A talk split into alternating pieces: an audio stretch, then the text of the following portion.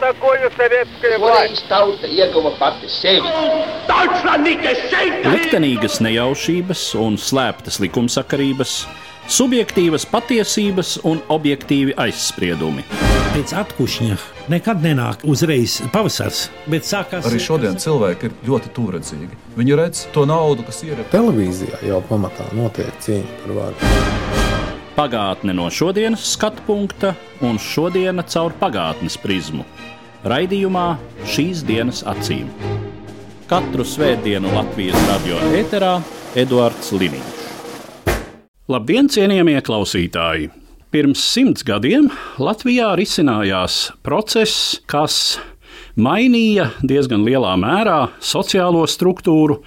Pirmkārt, Latvijas laukos es runāju par agrāro reformu. Par to mūsu šodienas saruna, mans sarunbiedrs studijā, Latvijas Nacionālā arhīva pētnieks Artūrs Žvinklis. Labdien! Par to, ka šādas pārmaiņas Latvijas laukos briest, nebija īpašu šaubu, jāsaka, jau vairākas desmitgades pirms šis process sākās.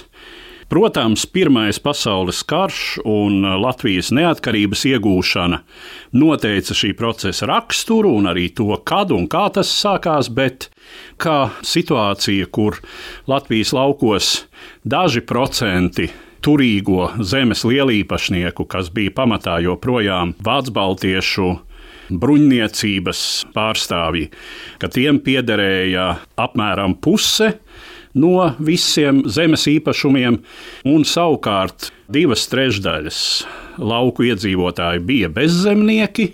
Tātad algāģi, latviešu tos tā arī pamatā sauca par kalpiem. Un, protams, no šiem cilvēkiem formējās pilsētu strādniecība. Bija skaidrs, kā tā problēma kaut kā un kaut kad tiks risināta. Bet, protams, to, kā tā tiks risināta, noteica Pirmā pasaules kara process, process arī Latvijas neatkarības kara laikā. Varbūt vispirms par to, kāda bija šīs vēstures kataklizmas tiešā ietekme uz agrārās reformas sākumu. Pirmkārt, jau pats karš un īpaši tam sekojošais Latvijas atbrīvošanās cīņas noteica to, ka līdz tam dominējošie vācu baroni bija zaudējuši lielā mērā savu stāvokli Latvijā. To noteica pats Pirmais pasaules karš, jo vācieši tiek saistīti ar Vāciju, lai gan viņi bija Krievijas valsts pavalsnieki, bet pret vācisko notika ļoti asa vēršanās. Un tālākās Latvijas atbrīvošanas cīņas noveda arī pie tā, ka diezgan liels vairums bijušo šo vācu zemes īpašnieku, vācu baronu nostājās Latvijas topošai valstī naidīgās pozīcijās, iesaistījās bruņotā cīņā, pat ņemot vērā kaut vai Bermuda avālau karaspēku, nu, un attiecīgi vācu baroni ar to jau faktiski arī zaudēja savus īpašumus šādā veidā. Jau 19. gada 27. februārī Ulmaņa valdība pieņēma rīkojumu par bezzemnieku apgādāšanu ar zemi. Šis sākotnējais rīkojums gan paredzēja, ka zeme tiks nodota visiem, kas to var un vēlas apstrādāt bezzemniekiem, gan ar nosacījumu, ka tā būs tikai nomā. Bet te jāņem vērā, ka kara apstākļi, protams, neļāva šo rīkojumu jau kādi sākt īstenot dzīvē vēl krietni ilgu laiku. Tikai pēc atbrīvošanas kara beigām varēja sākt runāt par šī jautājuma risināšanu reāli. Juridiski to varēja sākt risināt tad, kad 1920. gadā tika ievēlēta un sāka darbu Latvijas satversmes sapulce. Kā tad satversmes sapulce šo jautājumu risināja, kādas bija nostādnes. Visplašākās diskusijas un debates izvērtās par to, pirmkārt, vai atsevināma visa mužnieku zeme, vai tikai daļa, kas pārsniegtu kādu noteiktu normu. Tad bija jautājums par atlīdzību, bijušajiem zemes īpašniekiem, vai to izmaksāt, vai šādas pretenzijas noraidīt pilnībā. Ļoti būtisks jautājums, vai zemes ieguvēji viņu varēs iegūt īpašumā, vai viņa paliks tikai lietošanā. Te diezgan aktīvi iebilda un uzstājās par to sociāldemokrāti, kad zemē būtu jāpaliek nomā zemniekiem, pamatojot to tā, ka lielākai daļai šo bezzemnieku nebūs līdzekļu zemes izpirkšanai, un viņi vienkārši nespēs sākt saimniekošanu šādā veidā. Pakāpeniski izkristalizējās šīs agrārās reformas apveidi, tika noteikts, ka mūžu īpašniekiem atstājami 50 hektāri, izņēmuma gadījumos pieļaujot līdz 100 hektāriem. Kādi bija izņēmuma gadījumi? Izņēmuma gadījumi faktiski bija ļoti, ļoti maz. Cik es atceros, viens no šiem izņēmumiem bija grāfs Līvens, kurš bija ieņēmis tajā brīdī Latvijas republikai lojālu nostāju, un attiecīgi tas tika novērtēts. Zemes ieguvēji tika sadalīti attiecīgi kategorijās. Priekšroka tika dota Latvijas brīvības cīņu dalībniekiem, tālāk tiem bezzemniekiem, kuri dzīvoja attiecīga pagasta teritorijā un kuriem bija līdzekļi zemes apsaimniekošanā, un pēc tam visiem pārējiem zemes pieprasītājiem, nu es te tā ļoti schematiski saku, jāsaka, ka uzreiz jau bija milzīga atsaucība, tikko šis agrārās reformas projekts sākts, tika apspriests, jau visai drīz tika saņemti 40 3000 bezzemnieku iesniegumi, kur izpildīja attiecīgās aptaujas lapas. Tika noteikts, ka piešķiramo jaunsaimniecību lielums būtu 22 hektāri lauksaimniecības izmantojamās zemes, kam varēja tikt pieskaitīt līdz 5 hektāriem mežu. Tātad eh, kopējā platība attiecīgi varēja sasniegt eh, līdz 27 hektāriem. Reformas pirmā daļa paredzēja attiecīgi izveidot valsts zemes fondu, Šī daļa tika pieņemta 1920. gada 16. septembrī. Valsts zemes fondā tika ieskaitītas jau līdz tam valsts īpašumā esošās zemes, jeb tā saucamās kroņas zemes un meži.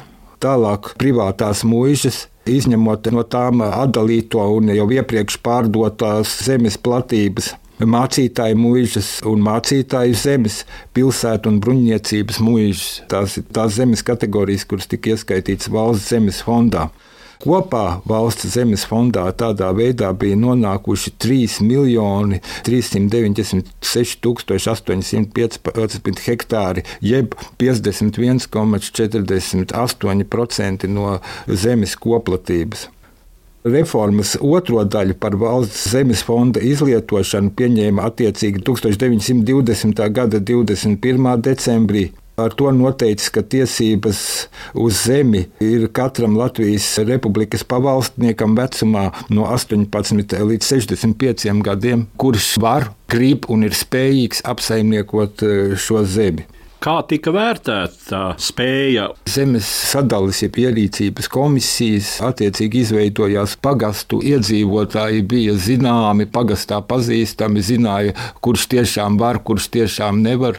Un te arī radās viena tāda problēma, ka viens otrs šis zemes pieprasītājs pieprasīja zemi vienā vietā, pieprasīja zemi citā vietā, un pēc tam izrādījās atsevišķos gadījumos, ka zemnieks, kurš jau bija iegūts, ieguvis pagaidām vēl tikai nomā iecerēto zemes gabalu, pēkšņi konstatēja, ka viņa zeme ir piešķirta pavisam citai personai no citurienes.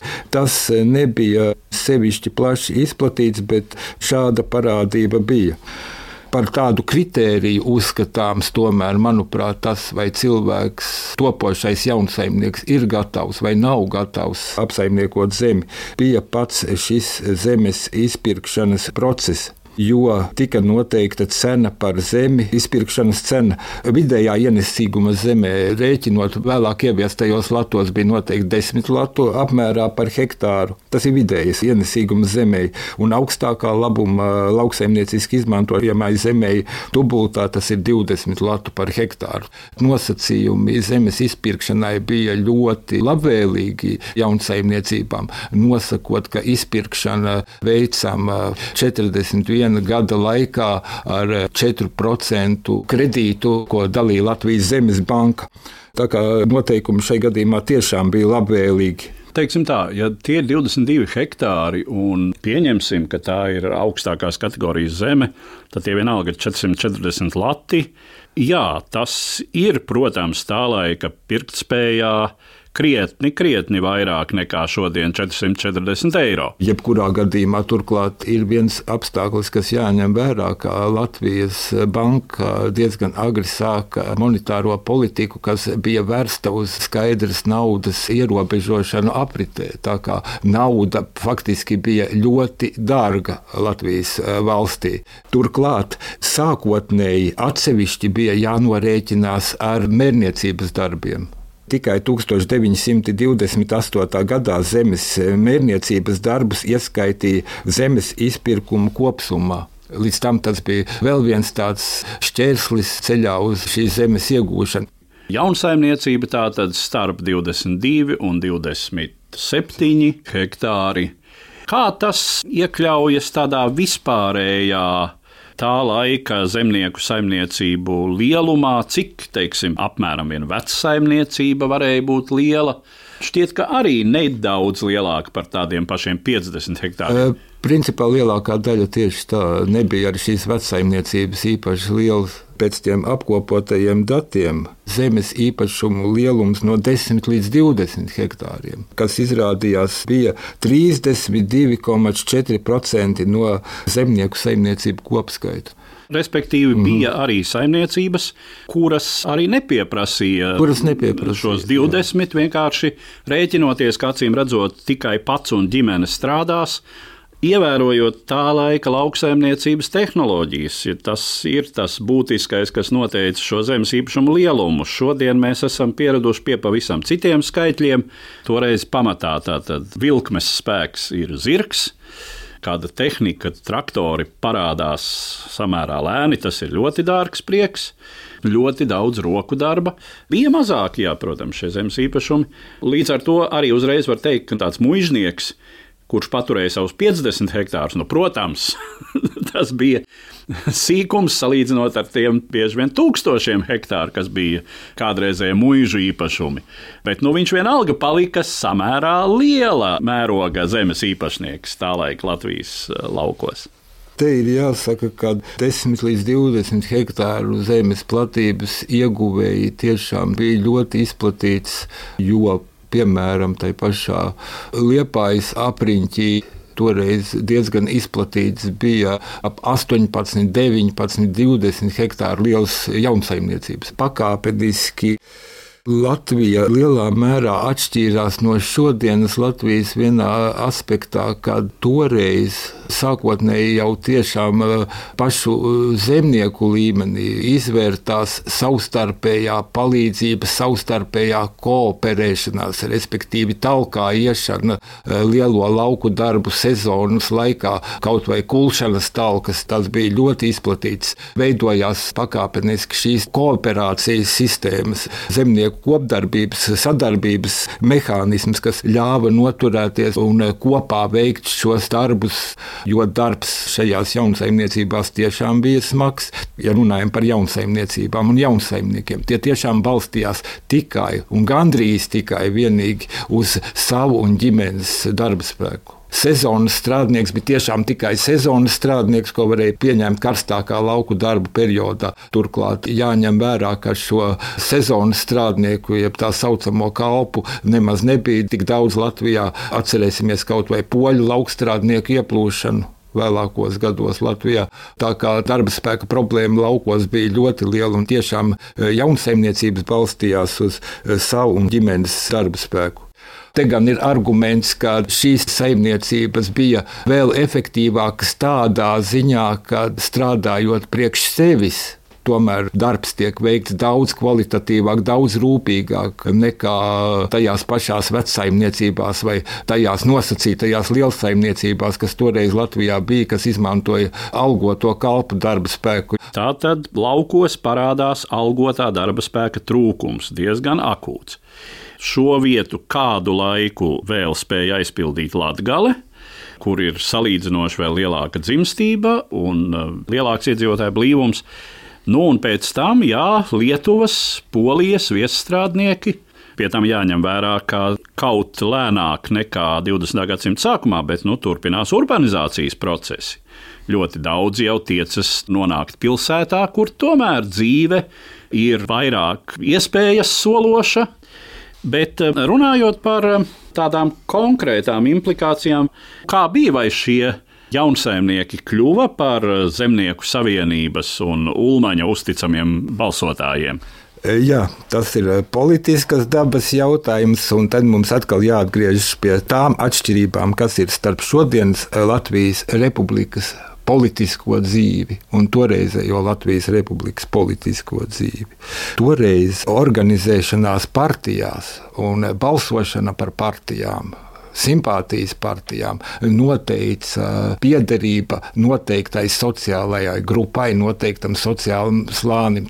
Un jaunsaimnieki nebūtu netiecās īpaši atbalstīt Zemnieku savienību, jo Zemnieku savienība bija lielākā mērā orientēta uz lielāku saimniecību atbalstīšanu, bet jaunsaimnieku politiskās aizstāvības un pārstāvības nišu ieņēma speciāli tam izveidota partija, tā saucamā jaunsaimnieku un sīgruntnieku partija, kuru vadīja politiķis Ādams Bļodnieks, tāpēc viņa ir ieguva nosaukumu vēl eh, ironiskā formā sīgdodnieku partija, kura tad arī veica šo jaunsaimnieku interešu pārstāvību gan saimā, gan pagastu padomēs.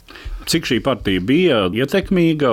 Bļodnieks šķiet vismaz vienreiz bija premjerministrs. Jā, Bļodnieks bija premjerministrs, un te jāsaka, ka šī partija faktiski gandrīz vienmēr parlamentārās republikas periodā ietilpa valdošajā koalīcijā. Tas ir, protams, sēdēja pie viena galda ar Zemnieku savienību, kura bija uzņēmusies vadošo lomu, jo zemnieku intereses tad ir un paliek zemnieku intereses. Un tur bija tiešām ļoti daudz saskares punktu, daudz vairāk nekā, piemēram, šī jaunsaimnieku un sīgruntnieku partija būtu varējusi atrast ar sociāldemokrātiem vai pilsētnieciski un ierēdnieciski orientēto demokrātisko centru. Kādas bija jaunsaimnieku attiecības ar Ulmaņa autoritārismu pēc 1934. gada?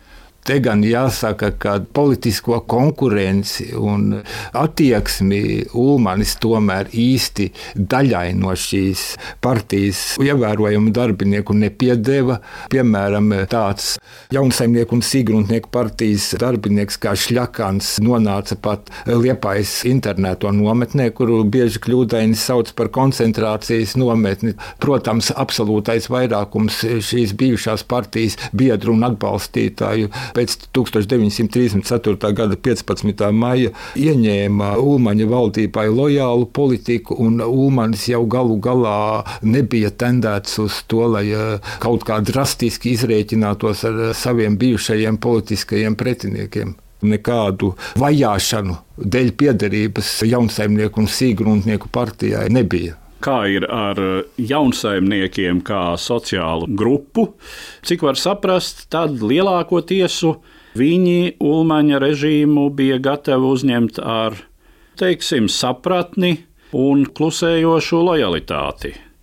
Droši vien, kā nu kurš tur acīm redzot, bija dažādi motīvi, ko noteica ne tikai tas sociālais status, Te iespējams, ka pat jāņem vērā viena lieta. Mēs bieži nenovērtējam to uh, Ulmaņa retoriku pēc 1934. gada 15. maija, bet uh, šī retorika nebija vienkārši tukšvārdīga vai liekvārdīga, kad viņš deklarēja tā saucamo tautas vienību.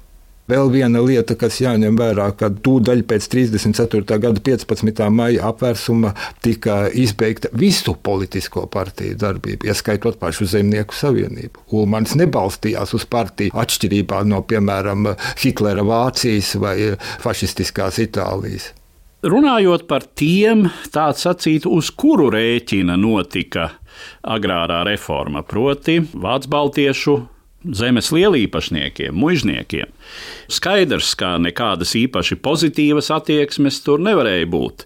Zeme mužniekiem tika atsavināta bez atlīdzības. Bez atlīdzības, jā, jā tieši tā. Bet cik lielā mērā tas noteica kādu vispār vācu baltiešu minoritātes attieksmi pret Latvijas valsti, cik tas varbūt kaitēja Latvijas valsts starptautiskajam prestižam, un kādas tam bija sekas? Protams, ka savus īpašumus zaudējušie vācu varoni sāka starptautisku, var teikt, kampaņu, cenšoties ietekmēt sabiedrisko domu ārpus Latvijas. Tā 1920. gadā barons Heikings vērsās ar sūdzību pie Britu karaļnama Un 1925. gadā tā ir plašāk zināma lieta, bija sastādīta saimas deputāta, bijušā barona Vilhelma Firksa un otra Vācu baltiešu deputāta Feigezaka sūdzība Tautas Savienības padomē par Latvijas agrāro reformu sūdzības palika bez iespaida. Piemēram, attiecībā uz Heikingsa sūdzību Britu karaļnamam. Viņš reizē bija arī sūdzējies ne tikai Britu karaļnamam, bet arī sabiedroto Antantes padomē. Atbilde bija sekojoša, ka Latvijas agrārā reforma ir Latvijas valsts iekšpolitiskā, jeb iekšējā lieta, un starptautiski šādā gadījumā nav apspriežama arī attiecīgā Firksa un Veigezaks sūdzība Tautas Savienības padomē. Cerēto nedēļu nedēva. Te gan jāsaka, ka Latvijas republika bija spiesta atsevišķos gadījumos piekāpties.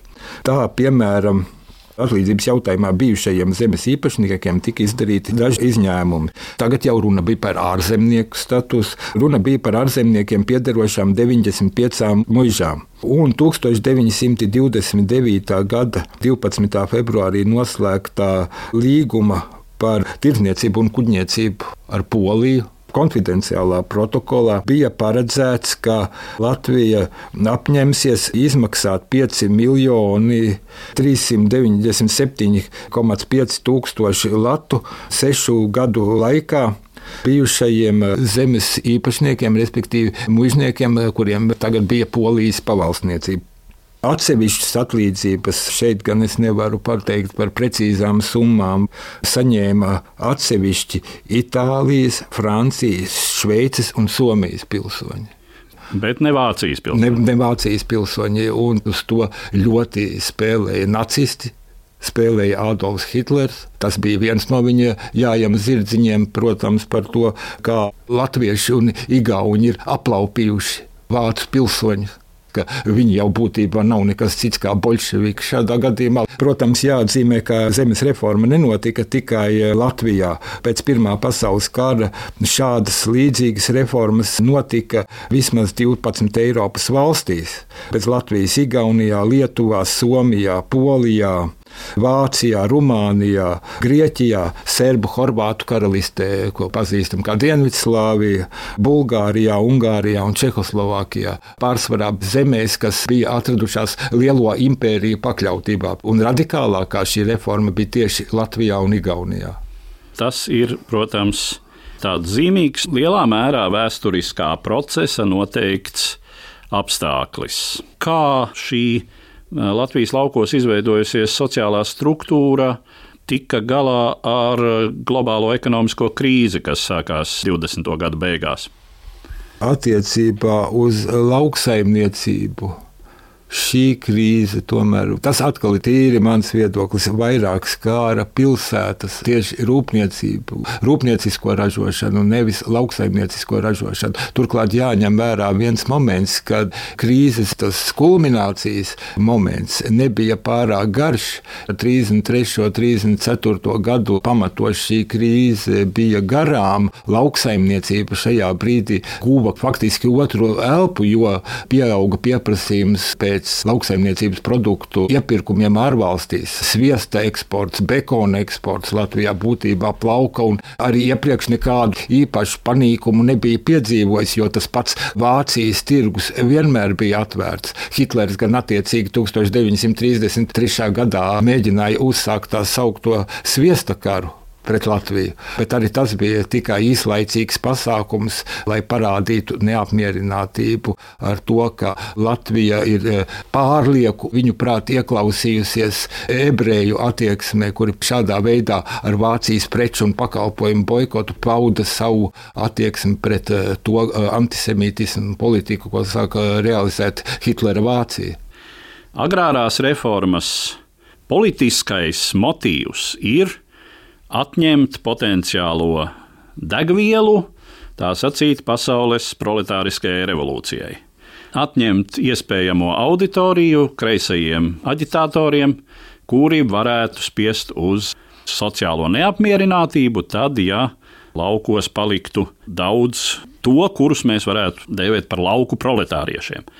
Šo mērķi agrārā reforma taču lielā mērā sasniedza. Šo mērķi viņa pat vairāk nekā sasniedz. Es gribu pat teikt, ka šīs agrārās reformas izstrādāšana izrādījās ļoti tālredzīga. Šodien, protams, var diskutēt un runāt par tādu lietu, ka tādām sīkām saimniecībām skatoties šodienā, nekādas nākotnes nebūtu. Tāpat taptu liels saimniecības, bet ārkārtīgi svarīgs jautājums šo agrārās reformas rezultātā izveidoto jaunsaimniecību lomai bija tieši tajos notikumos, kas sekoja pēc Latvijas okupācijas un aneksijas, kad pie savām reformām ķērās padomju vara.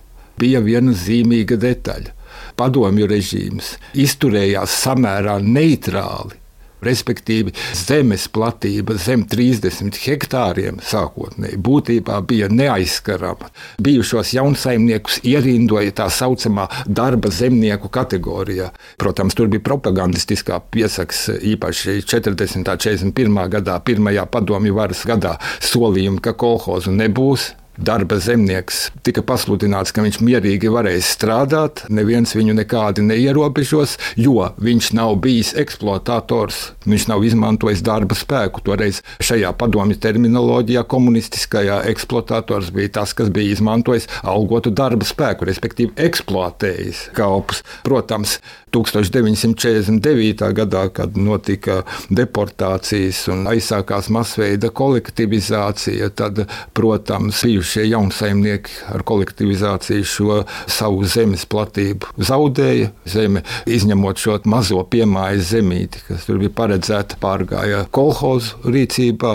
Tas viss e, sekoja pēc tam, bet arī te jāņem vērā, ka deportēto izsūtīto vidū šo bijušo jaunsaimnieku tomēr nebija daudz. Tas tālējoši pasaudzēja. Tajā brīdī šīs reformas veidotāji to, protams, pat iedomāties nevarēja, ka tas varētu notikt un notiks. Pasaudzēja būtisku Latvijas sabiedrības elementu no represijām, šķiriski motivētajām un e, lielā mērā nodrošināja latviešu tautas eksistenci padomju režīma apstākļos. Tas, manuprāt, ir ārkārtīgi būtisks moments.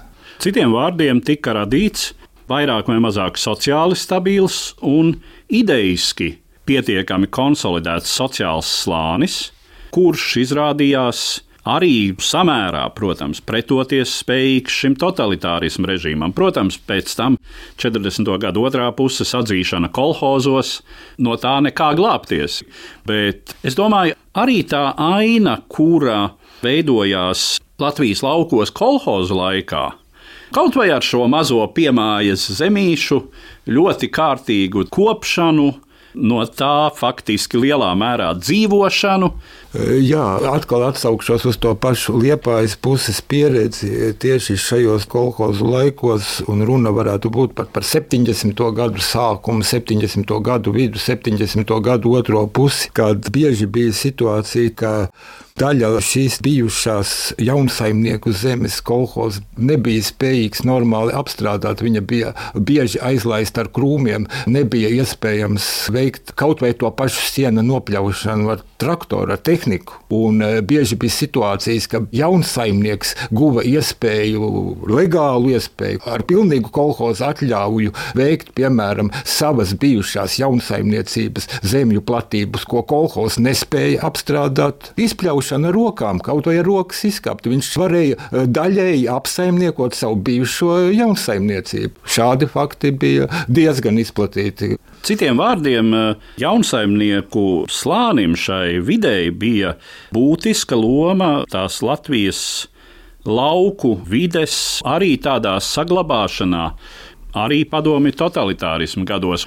Un jāsaka, droši vien arī daudz kur tas noteica šīs vides latviskumu joprojām, jo tur, kur šie cilvēki palika stabili, turējās pie savas zemītes, lai kādā veidā tur arī mazāk bija iespēja ieplūst kādam svešam elementam.